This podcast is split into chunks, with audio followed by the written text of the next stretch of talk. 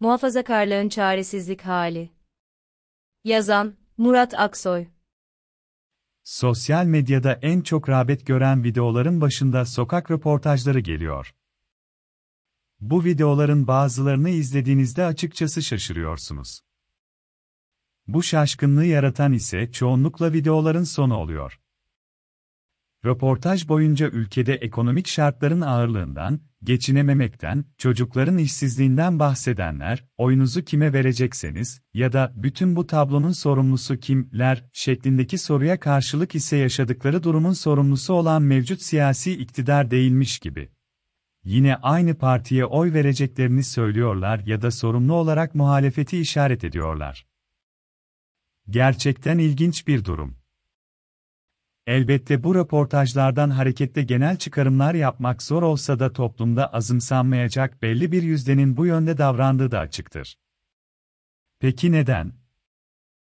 Bunun nedeni, bazı röportajlarda ifade edildiği gibi, iktidar karşısında güçlü bir alternatifin olmamasından mıdır? Eğer böyleyse, bunu düşünenlerin temel varsayımı muhalefette olan partilerin mevcut koşulları iyileştiremeyeceğine dair inançlarının olması gerekir. Böyle düşünmeleri teorik olarak mümkün. Ancak bundan daha önemli bir nedenin, bu toplumun siyaseten muhafazakar olmasıyla ilgili olduğunu düşünüyorum. Bu muhafazakorluk dinsel bir anlam ifade etmiyor. Burada muhafazakorluk olarak ifade ettiğim durum, toplumun değişimden korkmasını ve siyaseten risk alamamasını ifade ediyor. Bu röportajlarda gördüğüm en güçlü duygu bu.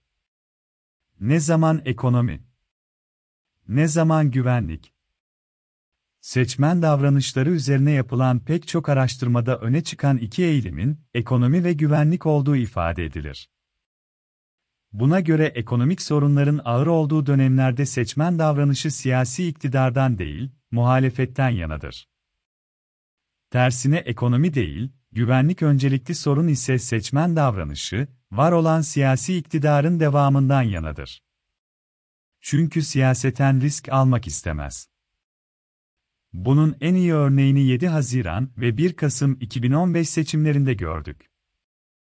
Nitekim son haftalarda Erdoğan'da, Bahçeli'de ekonomik krizin sanki Türkiye, Suriye ya da Ukrayna'ymış algısı yaratarak, olası bir güvenlik sorunu karşısında anlamsız olduğunu sıkça ifade ediyorlar. Bugün Türkiye'nin ana gündemi ağır ekonomik kriz. Yaşanan tüm sorunlara rağmen siyasi iktidar, oyunu belli bir orada, %30'larda tutmayı başarabiliyor. Bunu seçmenle kurulan sosyal devlet değil, sadaka kültürü üzerinden kurulan yardımlara bağlamak olası. AKP'nin kendilerine oy veren kesimdeki seçmenle kurduğu bu ilişki, onları kalıcı bir yoksulluğa mahkum ederek, Adalet ve Kalkınma Partisi iktidarına mahkum etmeyi hedeflemektedir. Bunda da kısmen başarılı olduğu görülmektedir. Kalıcı yoksulluğa mahkum edilen bu toplumsal kesimlerin eğitim yoluyla sınıf atlama ve sosyal mobilizasyon hedefine sahip olmayanlar için en rasyonel tercih, var olan siyasi düzenin devamıdır bunu kendi konforunun sürmesi için zorunlu görür. Pazarlanan altın çağ hayali. İktidarın bu oyunu korumasında başka ve önemli bir neden daha var. O da geçmişte yaşandığı düşünülen altın çağ. Bu hayalin temelinde sadece Osmanlı'yı ihya etme değil, İslam dünyasının lideri olma da vardır. Ve bu hayale tabanını inandırabilmiş olmasıdır. Bu hayallere inananlara göre, ülkenin yaşadığı ekonomik sorunlar kötü yönetimden değil, iktidarın bu hayallerini gerçekleştirmesini engellemeye çalışan güçlerin oyunudur.